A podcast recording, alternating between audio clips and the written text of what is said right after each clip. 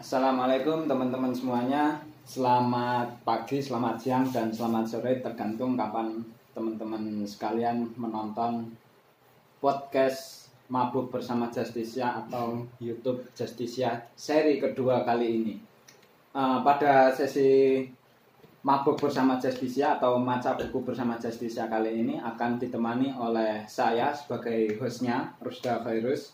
Kemudian uh, dengan Om Abdullah. Faris sebagai uh, preview atau apa is istilahnya is? Kemarin kamu ngomongnya apa? Juru baca. ah juru baca. Juru baca buku yang akan kita bahas kali ini.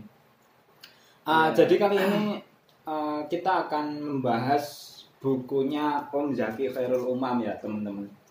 Renungan pemikir muslim dunia filsafat sastra dan politik mungkin sebelum ke situ bisa diceritakan terlebih dahulu ya uh, Hmm. kenapa Om Faiz kok tertarik untuk membaca buku ini. Uh, khususnya dia ini Om Faiz juga uh, seseorang yang fokus di kajian pemikiran-pemikiran Islam kontemporer ya. Ini juga berbasis pemikiran Islam kontemporer teman-teman.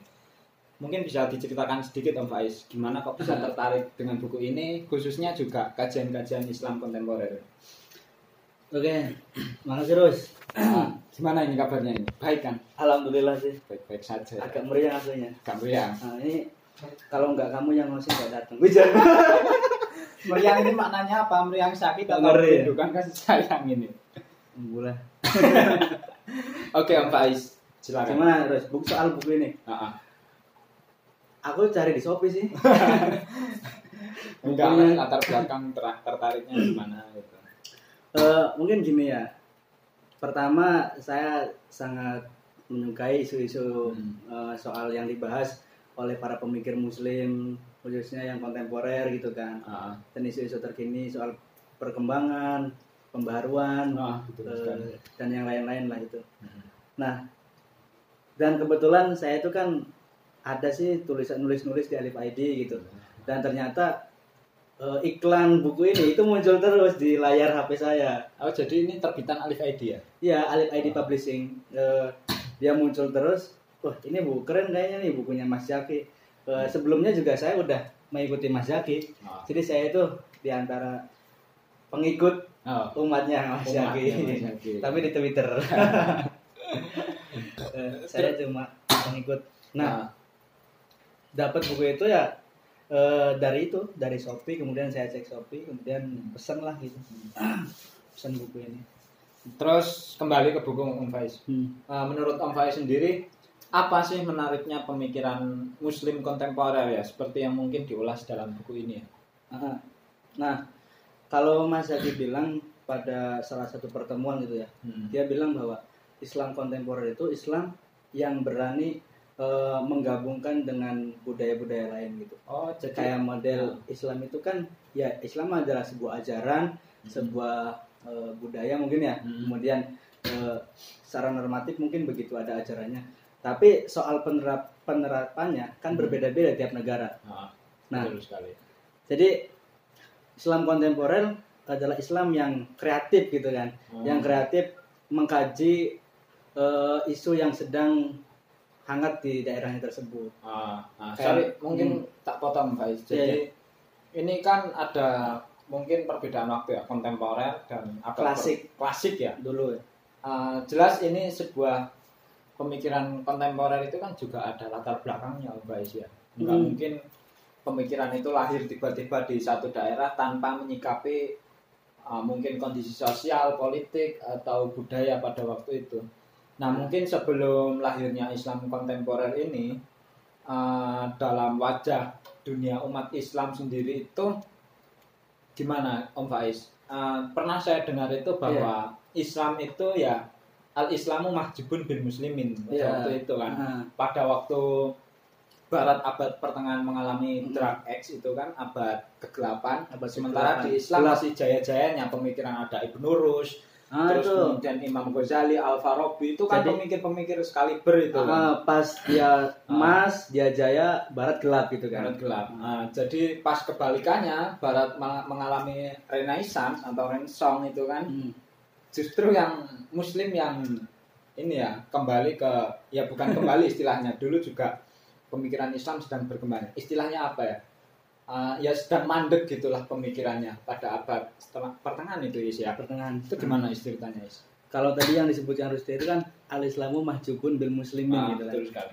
Kalau nggak salah itu adalah ungkapan siapa? Muhammad Abduh ya? Ah, betul sekali Muhammad Abdul Muhammad Abduh kan pernah. Nah, jadi Muhammad Abduh itu salah satu pemikir eh, berkemajuan aslinya. Hmm. kreatif juga.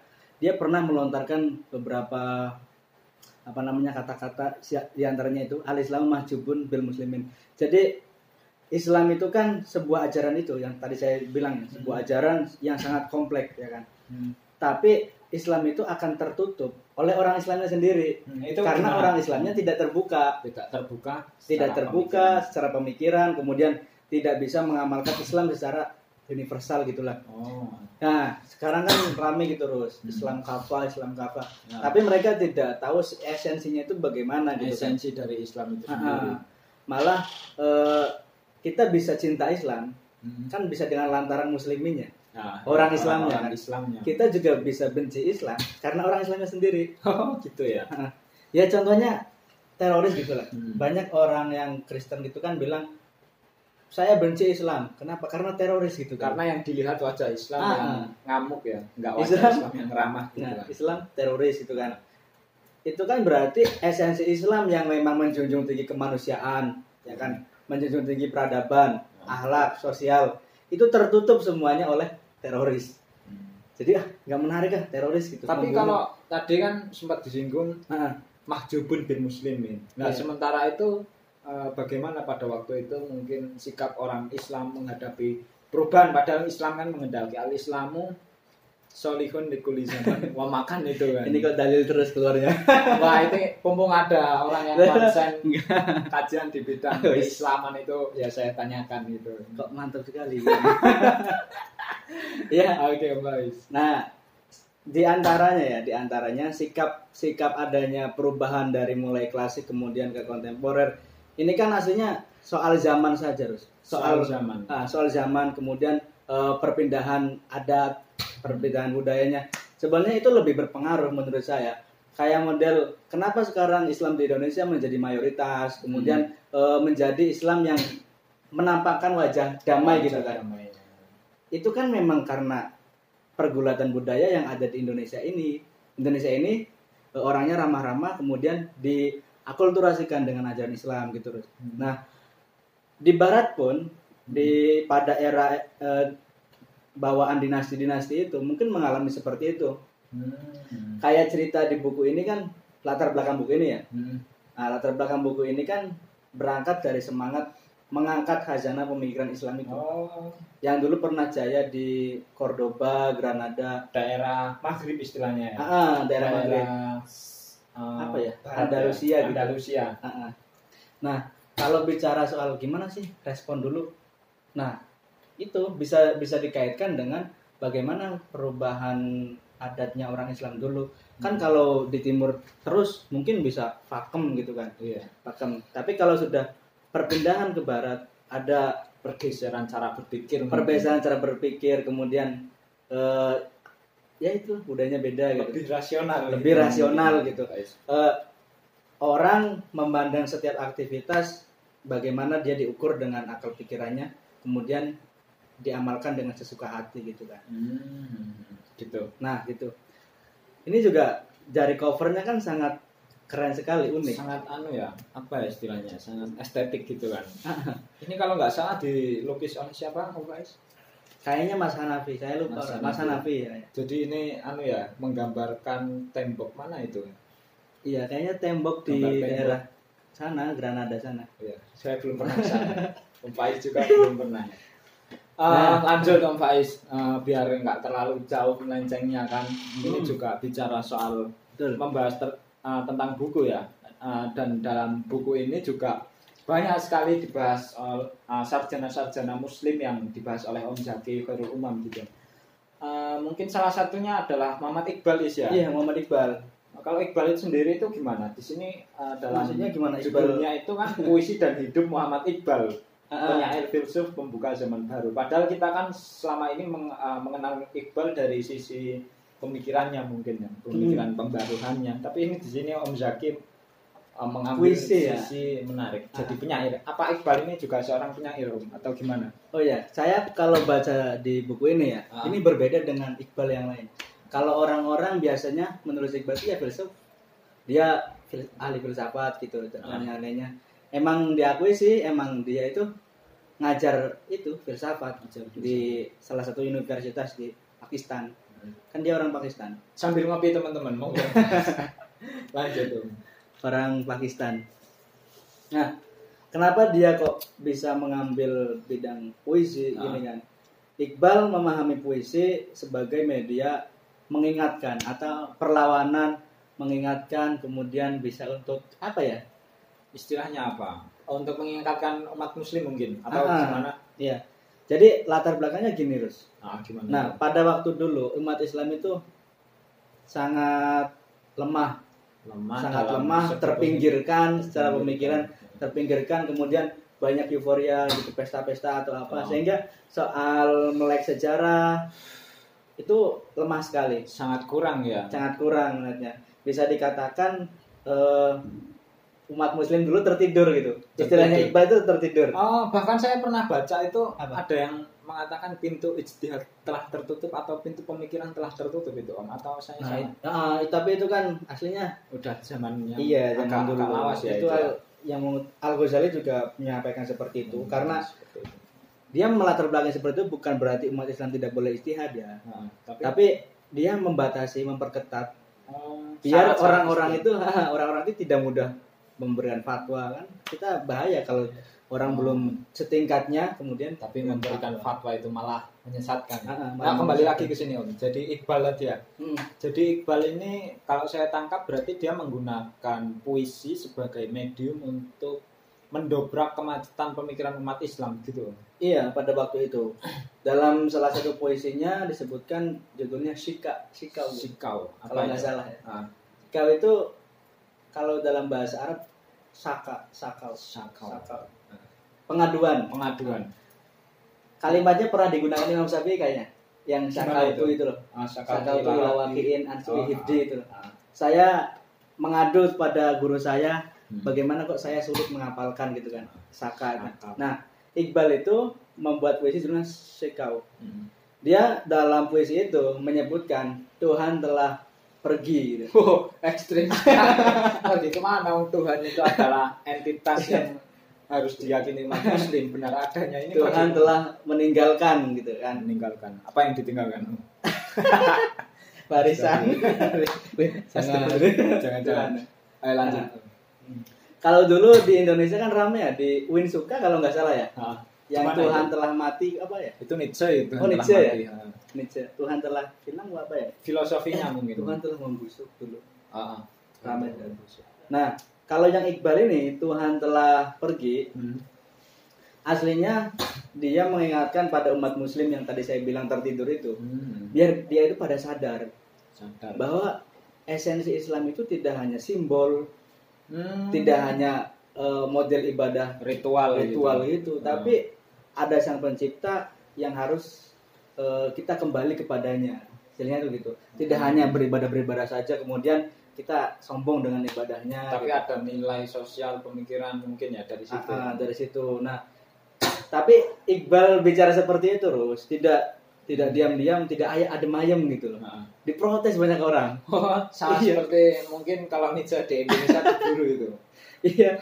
Ya misalnya ada hal yang agak tersirat gitu maknanya Ah, diucapkan itu? pada orang Indonesia kan banyak yang memprotes karena dia nggak paham mungkin ya yang protes Jadi itu latar belakangnya waktu itu umat muslim sedang tertidur mungkin gitu. mungkin bisa terjadi kayak sekarang ini ya gimana itu? kan orang sekarang Indonesia ini kalau ada tokoh yang mengucapkan emang esensinya benar tapi kayak nyeleneh gitu kan.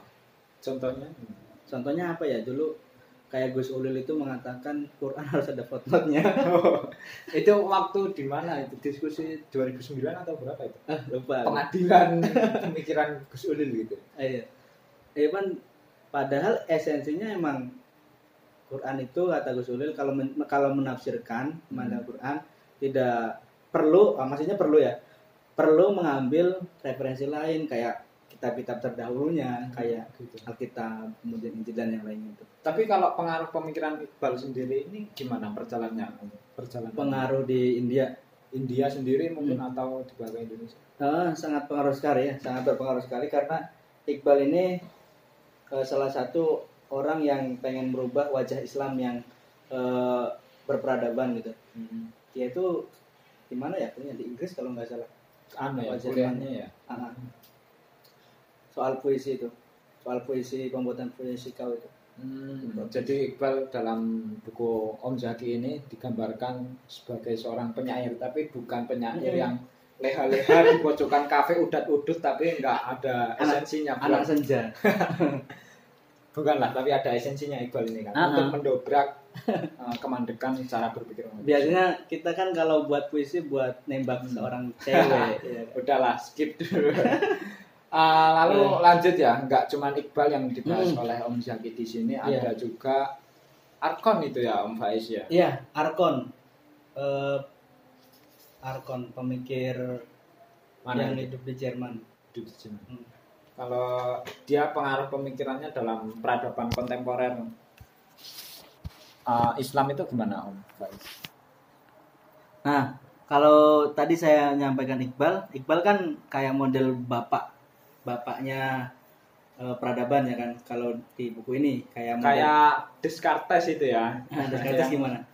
Rensam itu apa namanya cogito ergo sum. Aku berpikir maka kau ada. Tapi Ah. Iqbal ini dalam versi Islam. Versi Islamnya gitu. Untuk Nah. mendobrak. Kita melanjut ke Arkon. Muhammad Arkon ini kan orang yang enggak apa namanya? sudah dipelajari lah di Indonesia. Banyak Hmm, orang mengenal banyak Arkon ya. Enggak enggak heran gitu dengan Hmm. Muhammad Arkon. Yang unik dalam buku ini bukan Mas Zaki. Arkon disimbolkan orang yang telah memikirkan Islam kembali. Gimana itu Om? Pemikiran Jadi, Islam. Pada waktu itu mungkin orang Islam sangat gila di bagian kekuasaan ya, bagian Hmm, politik. Bagian politik ya. Ah, bagian politik. Nah, Arkon ini malah terfokuskan dalam Islam kebudayaan. Oh. Ditumpu di situlah soal intelektual orang Muslim Hmm. dikembangkan dan menurut Arkon itu eh, pada tahun 2000 sebelum 2000-an Hmm. Islam itu kekurangan studi, studi. Kurang studi. Nah, kekurangan ilmu pengetahuan.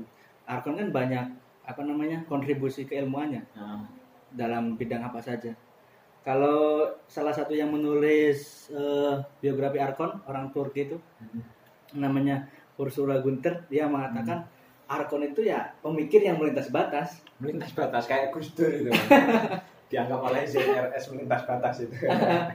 melintas batas karena tidak hanya kayak model buku pemikiran Islam saja yang dipelajari. Hmm, sarjana juga. Dia mengambil dari Hmm. barat juga kan pemikiran. Oh, dia di Prancis. Ayo lupa, Oh. sorry. Prancis ya. Dia itu di di Prancis, di Paris. Hmm.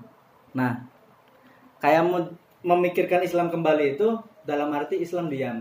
Eh, itu kayak sintesis dari Islam politik. Islam politik. Nah, menurut Arkon, Islam politik itu akan mendominasi bagi kelompoknya sendiri.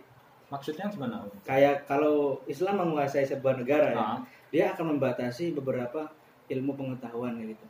Oh, yang jadi sesuai dengan orangnya saja. cuman dibuat justifikasi ya untuk Nah. membenarkan dirinya sendiri atau membenarkan apa yang diperbuatnya itu. apa yang diperbuatnya gitu. Selama ini kan kita lihat politik itu ya yang dipakai argumen oleh para politisi ya Yang berkuasa. yang buat dirinya sendiri yang menguntungkan gitu kan. Nah, yang menguntungkan. Hmm. Arkon malah berbeda dari itu. Oh, Nah, Arkon itu kan eh, pemikir yang mencangkok dari teorinya Immanuel Kant itu. Jadi salah satu bisa dikatakan idolanya Arkon itu Immanuel Kant. idolanya kan. Nah, Immanuel Kant? Jerman itu. Hmm. Di antaranya ini soal membedakan jauh dari persoalan politik gitu. Islam dijauhkan dari persoalan politik. Islam diam. Kalau Islam diamnya sendiri itu gimana Om Faiz? Itu kata lain dari pemikiran kembali Islam. Kata Arkon. lain dari pemikiran kembali Islam gitu ya. Jadi pada waktu sebelumnya umat muslim sangat tertarik atau cenderung berpolitik Ah. tapi politik-politik yang menguntungkan Ah. dirinya sendiri gitu. berpolitik dengan legitimasi Islam gitu kan. Ah, menggunakan Islam untuk berpolitik gitu lah Om Faiz. Tapi selain itu ada lagi, Rus. Apa itu? Muhammad Arkon ini. Dia juga orang yang digambarkan di sini menolak mitos, kemudian menolak menolak simbol, menolak tradisi, yang tidak rasional gitu. yang tidak rasional Hmm. tapi kalau tanggapan Arpan sendiri pada kebudayaan di mana dia waktu itu hidup itu gimana Pak Isbret? Mungkin itu kan tadi menolak Ah. budaya gitu kan sangat ini bukan budaya, apa maksudnya mitos-mitos, Oh, tradisi mitos-mitos. yang memang Ah. tidak masuk akal loh, Ah. tidak rasional. Dia dia menolak. Di sini di- di- diterangkan juga dia eh, menolak ortodoksi kayak konservatif gitu yang tidak rasional, Konservatisme, ya kan orang yang konservatif. berarti Arkon ini menghendaki perubahan yang terus menerus ada Ah. Bahkan Arkon ini salah seorang pemikir muslim yang eh, menggunakan teorinya ini Jacques Derrida. oh anu, Dekonstruksi. dekonstruksi. Ah. Dekonstruksi ala Derrida. Dia pengen merubah kayak struktur keislaman itu di- dirubah oleh Arkon. Ya lewat teorinya itu, lewat dari dari dekonstruksi ala Derrida. Hmm. Jadi dari segi soal posisi, posisi pengembangan ilmu dan kebudayaan, dia dijauhkan dari politik, eh, mencangkok Immanuel Kant. Hmm. kalau pemikiran Immanuel kan sendiri gimana Pak Is? Immanuel Kant kan, wah, lupa. oh ah. nah gitu. Eh, mungkin lanjut ya udah dibahas panjang lebar Arkon Muhammad Iqbal Hmm. terus kemudian saya tadi buka-buka di sini juga ada Ali Syariati itu kan nggak kalah menarik Ali Syariati dari Iqbal dan Arkon ini ya nah. Faiz dia Ali Syariati bahkan menganggap apa itu is- Islam sebagai ideologi Ideologi. Nah, itu ah, gimana itu? Dia malah menolak Arkon. Gini loh, ada fakta yang menarik. nah gimana itu Arkon sama Syariat itu satu guru, satu fakultas, satu, universitas. satu universitas Nah, tapi beda universitas di Paris gitu ya. Gurunya itu namanya Jacques. Bergiu. Nah kan, itu salah satu guru yang sama. Kayak kayak di Indonesia ini ada Mbah Hasim, ada Kiai Dahlan itu loh. Dahlan. Kalau dulu lima empat madhab itu kan sama-sama saling berguru. Iya, kan? itu saling berguru terus tapi berbeda. menghasilkan hasil ijtihad yang, berbeda. yang berbeda. Menarik sekali ini. Ini Arkon ini kayak Arkon sama Syariati ini Hmm. kayak desain orang yang dalam satu guru berbeda di era kontemporer. Oh. ya kan? Kalau di era sama di era kontemporer tapi coraknya itu ke Indonesiaan ya itu tadi NU sama Muhammadiyah itu. Nah, satu guru tapi. Gurunya siapa? Kayak Soleh Darat ya. Ah, ah, ya, salah ada. Nah, tapi hasilnya berbeda. Kalau yang satu tradisionalis, yang satu modernis gitu. Modernis. Nah, kalau Arkam sendiri gimana? Om? Yang tadi Arkam Syariati. sebagai- Eh, sorry ya teman-teman. Ali Syariati. Iya, Ali Syariati. sebagai ideologi. Ali Sari Ali Syariati itu kan orang Syiah. Oh, orang sih. Nah, semangatnya itu semangat revolusi Syiah. Tapi justru Semangat. kalau saya baca dalam beberapa lit- literatur itu ya yang bergeliat secara pemikiran revolusi, pemikiran progresif itu malah justru Syiah ya isi. Syiah. Dia menolak kapitalisme, Ah. menghendaki sosialisme. Nah, ini yang menarik lagi, Rus. Gimana itu? Si Syariati, Ah. oh, sorry, maksudnya Ali Syariati ini kan. Si Syariati. Ini tuh tidak anti Marxis. Enggak anti Marxis ya? Enggak, enggak anti Marxis dia. Gimana itu? Dia malah menjadikan Marxis sebagai sintesis. sintesis. Dia pernah membuat sebuah buku, Hmm. judulnya lupa saya. Pokoknya Sosialisme Islam enggak? Sosialisme Islam enggak? enggak Marxis dan apa gitu kan. Oh, Marxis dan apa. Dia tuh bergerak malah eh, menggandeng orang-orang itu.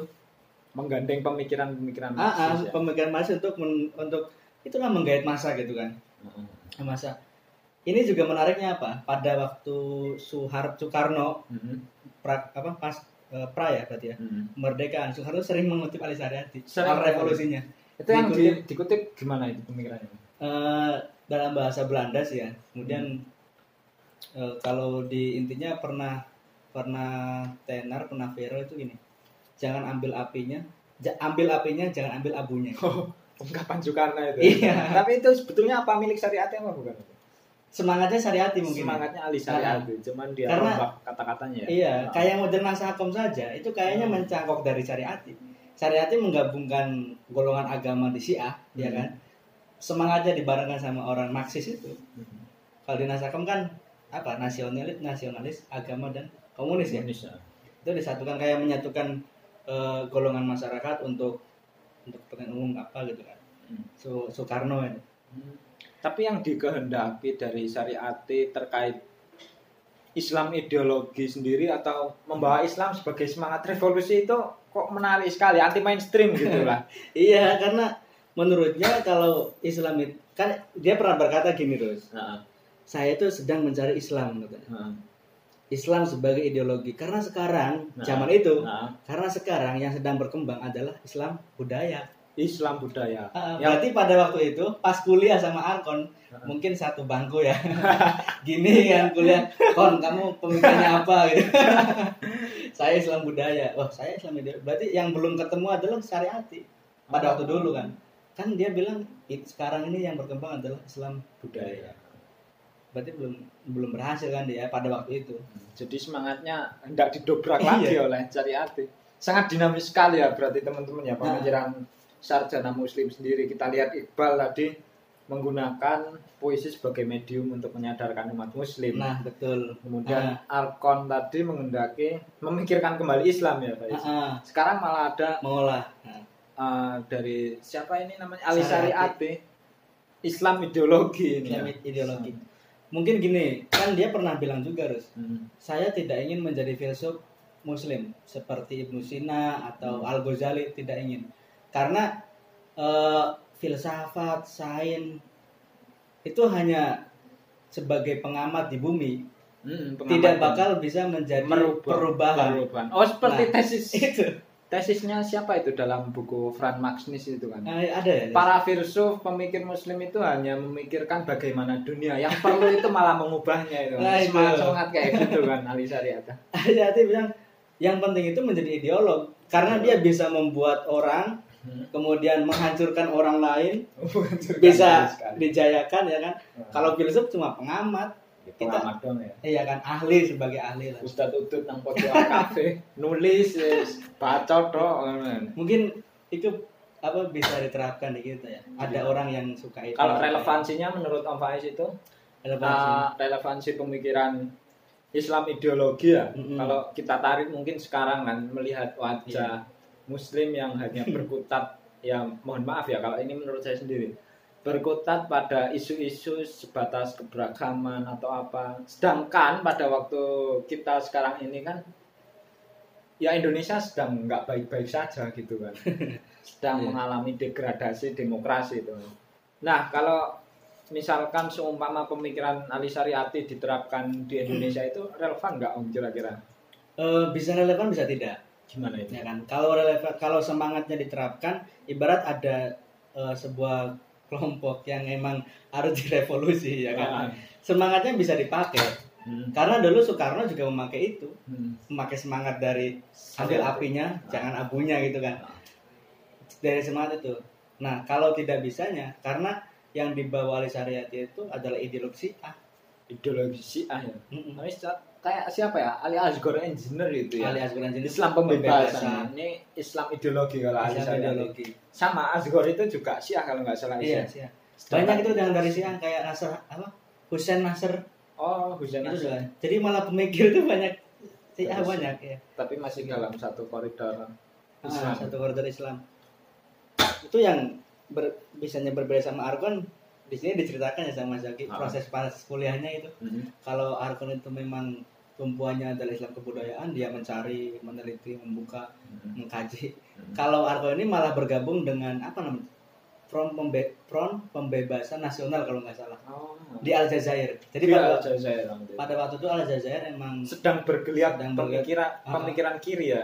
Ah, terus nah si Ali Syariati malah menggalang dana kumpul sama aktivis-aktivis gitu nah dia malah gabung sama itu front eh, pembebasan nasional Hmm. itu di Aljazair jadi mungkin Aljazair. satu sibuk dengan soal apa ya mengkaji penelitian relevan mungkin ya terapkan Indonesia kayak gitu. Tapi dari iya relevan juga mungkin yang nggak relevannya yang mungkin yang soal mengganti madhab anu ya jadi Syiah atau apa itu ya Ah. Mbak Is ya.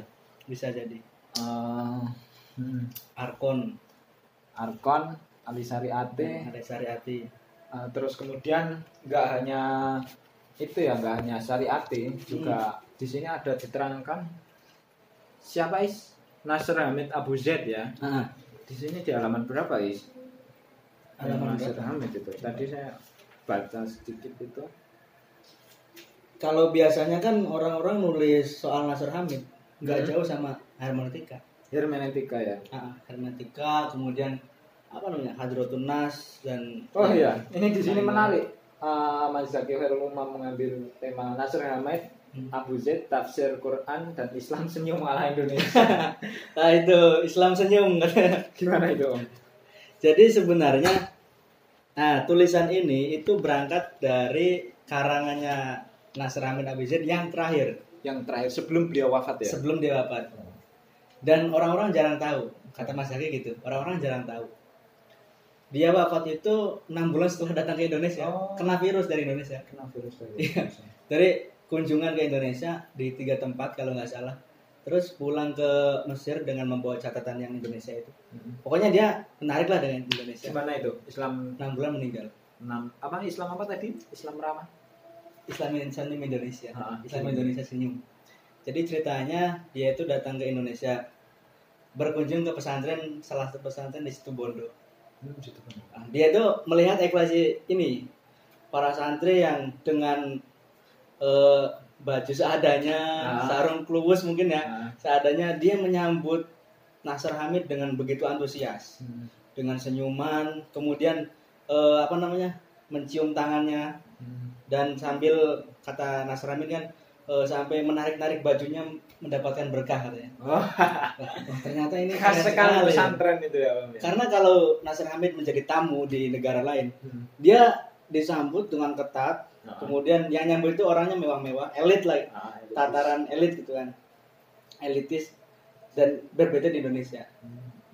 Lah, yang kedua dia pernah diskusi dengan eh, anak muda NU di PBNU kalau nggak salah itu kan sama orang Muhammadiyah juga. Hmm. Lah, dia itu mengungkapkan beberapa kegelisahan-kegelisahan namanya eh, apa itu tadi? Lupa aku. Materi yang disampaikan itu. Hmm. Ah, Naktul Hitab Adini, Naktul hitam arti. Artinya apa itu? wacana kritis keagamaan. Wacana kritis ke Nah, dia menyampaikan di situ dengan dengan perdebatan. Kan dia kan liberal juga kan. Ah, Nasr Hamid itu liberal. Liberal. Eh, murid-muridnya di Indonesia banyak, terutama yang di JIL. Oh, yang kecil kayak Nah. sulit. banyak Nasr Hamid. Lah dia itu berdebat tapi anak mudanya itu nggak ada yang memihak. Nggak ada yang memihak orang Indonesia ibarat orang Muhammadiyahnya gitu. Malah dia pada senyum-senyum sambil nyatat gitu. nah, dari situ dia bilang al Indonesia al Islam fil Indonesia basam gitu. Dia bilang gitu. Islam senyum. Indonesia senyum gitu. Emang kita beragama secara selengean kadang ya. Kadang senyum-senyum itu ya malah nggak paham. Iya sebetulnya itu ada juga gitu ada juga yang emang senyum tapi paham gitu kan. iya. Eh, tapi kalau kita selama ini mengenal Nasr Hamid juga itu hermeneutiknya Is ya. Iya hermetiknya. Dia pernah mengungkapkan bahwa Hmm. teks atau dalam tanda kutip dalam konteks ini teks Quran dan hadis itu Iya. lahir dari budaya. budaya dan itu Eh, ungkapan yang konsekuensinya sangat berat harus Uh-uh. diterima oleh Nasr Hamid itu ya kalau nggak salah ya Iya, ungkapannya itu gitu. Kayak Fadlur Rahman gitu. Ada kesamaan sih sama Fadlur Rahman. hampir sama ya? Nah, pengaruhnya di Indonesia sama model pemikirannya gitu. Hmm. Antara double movement ya. double movement Double movement ya. Ini juga dalam kitab terakhirnya itu eh, Hmm. Nasr Hamid kan nga- mengatakan apa namanya? Indonesia ini adalah tanah apa Indonesia ini adalah rumah kedua saya setelah Mesir. rumah kedua luar biasa sekali sampai menganggap rumah gitu. Dia orang Mesir karena dia eh, pada tahun 2000-an, tahun 2000-an itu berarti apa Gus Dur ya? ah Gus Dur Era Gus Dur. Era Nah, Gus Dur. di era Gus Dur itu kan banyak tuh muncul intelektual muda Ah, itu intelektual. yang soal kajian keislaman ini sedang santer-santernya sedang banter-banternya dia melihat iklim yang seperti itu bebas berpendapat demokratis dan yang lainnya eh, wah ini masa depan Islam di sini katanya. Tanpa ada ancaman ya. Iya tanpa ada ancaman. Bung, dia itu gumun loh. Apa gumun bahasa Indonesia nya Eh, takjub ya? takjub. Kaget mungkin. Kaget. kaget nah, itu kan. Di si pesantren situ Bondo Nah, bukunya dia dikaji. Oh, yang apa itu om? Yang apa ya? Makosidul apa ya? Lupa aku salah satu bukunya tuh dikaji. Mafhumun Nas ini. Mafhumun nas. Fil fi Fi ulumul ulum. Quran kalau nggak salah. Fi ulumul Quran. Mafhumun Nas fi ulumul Quran ini eh, kayaknya menerangkan beberapa paham para penafsir para Hmm. penafsir tentang ilmu Al-Quran gitu kan. Hmm. itu banyak ditolak di negerinya. Itu. Iya. kenapa itu gara-gara atau ya biasa sih kan perbedaan pendapat gitu kan. Kayak kita eh, adalah salah satu buku yang banyak orang ditolak kayak Setuju itu. soal tulisan soal karya lah sering sekali kan itu di pondok pesantren situ bondo dikaji Wah, dikaji itu. ya. Nah, kan dia apa kaget loh oh ternyata dikaji di sini Nah, Hmm. dia mengatakan Indonesia ya menarik sekali kok gini Hmm.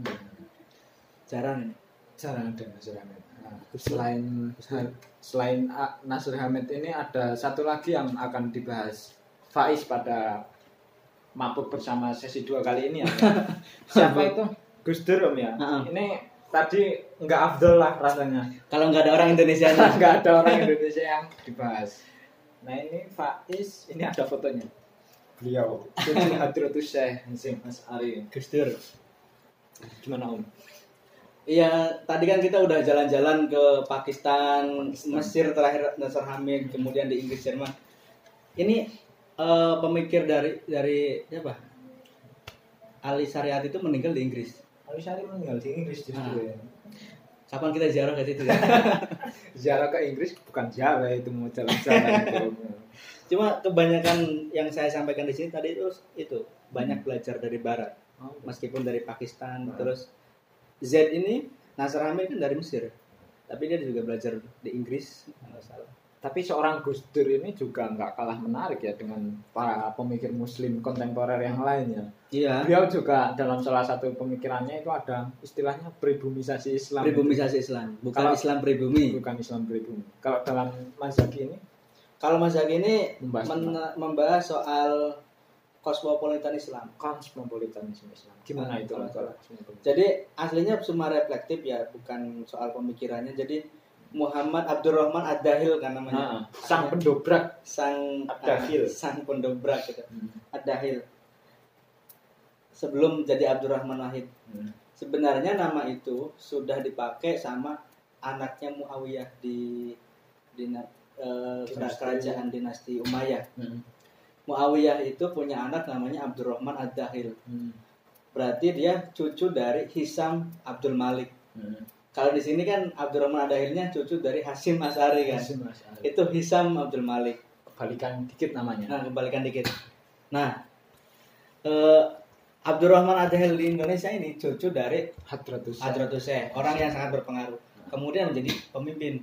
Hmm. Ad- Abdurrahman Ad-Dahil di sana, dia cucu dari Hisam. Hisam itu ya salah satu orang yang berpengaruh di dinasti Umayyah gitu kan. Hmm.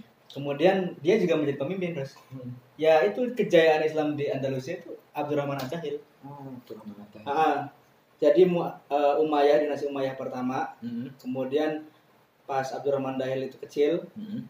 ada demonstran yang besar-besar, revolusi lah, Revolusi. revolusi oleh dinasti Abbasiyah. Hmm. Runtuh akhirnya Umayyah.